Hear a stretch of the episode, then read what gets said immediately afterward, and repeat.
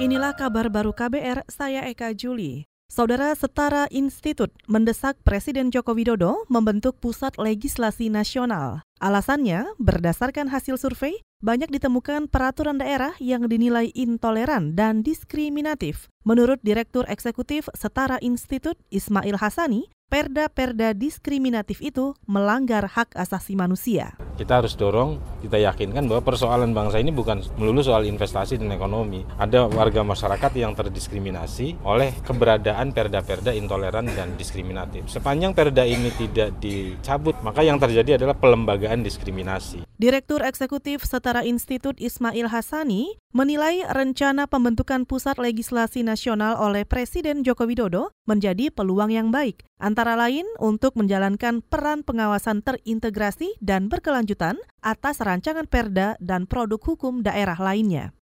Kita ke soal korupsi. Anggota Komisi Perdagangan DPR, Bowo Sidik Pangarso, didakwa menerima suap 2,6 miliar rupiah. Uang itu diterima Bowo dari Direktur PT Humpus Transportasi Kimia, Taufik Agustono, dan manajer pemasarannya, Asti Winasti. Jaksa KPK, Ihsan Fernandi, menyebutkan Uang suap itu diduga sebagai hadiah memuluskan kerjasama pengangkutan antara PT Humpus Transportasi Kimia dan PT Pupuk Indonesia Logistik. Terdakwa mengetahui atau patut menduga bahwa uang tersebut diberikan karena terdakwa selaku anggota Komisi 6 DPR RI yang bermitra dengan Kementerian Badan Usaha Milik Negara atau BUMN dan seluruh BUMN di Indonesia telah membantu PT Humpus Transportasi Kimia atau PT HTK mendapatkan kerjasama pekerjaan pengangkutan dan atau sewa kapal dengan PT Pupuk Indonesia Logistik atau PT Pilok.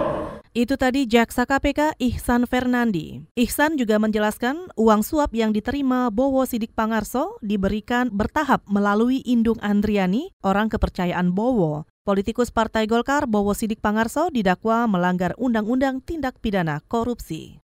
Presiden Joko Widodo berharap delegasi yang bertanding pada kompetisi keahlian dunia atau World Skill Competition di Kazan, Rusia bisa menjadi juara. Jokowi menilai delegasi yang merupakan para lulusan SMK itu punya kemampuan level internasional. Para anggota delegasi yang dikirim juga sudah pernah memenangkan perlombaan serupa di regional Asia Tenggara pada 2017 dan 2018 lalu. Kita ingin menunjukkan bahwa talenta-talenta yang kita miliki itu bisa berkompetisi, bisa bersaing dengan negara-negara lain.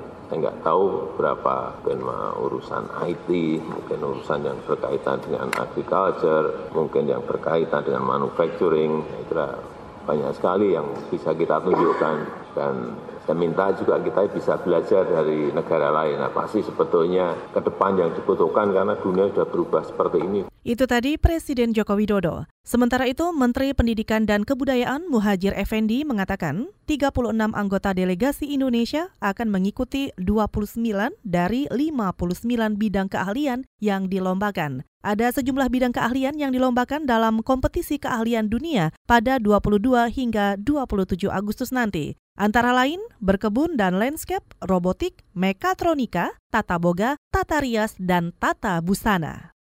Kita ke soal pemilu. Komisi Pemilihan Umum KPU menyatakan separuh lebih anggota DPRD Jawa Barat periode 2019-2024 merupakan wajah baru. Ketua KPU Jawa Barat Rifki Ali Mubarok menjelaskan, dari 120 legislator terpilih, 62 di antaranya wajah-wajah baru. Hasil rapat pleno penetapan hasil pemilu legislatif 2019 menetapkan ada 10 partai politik meraih kursi di DPRD Jawa Barat. Dari 120 kursi, Gerindra memperoleh 25 kursi. Kemudian disusul dengan uh, 21, PDIP 20, Golkar 16, dan PKB juga Demokrat.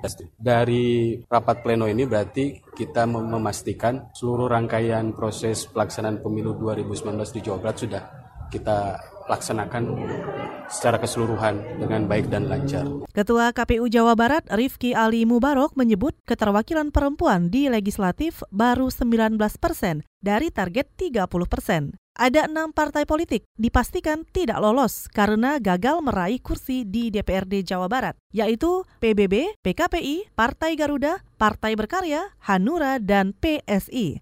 Saudara, demikian kabar baru. Saya Eka Juli.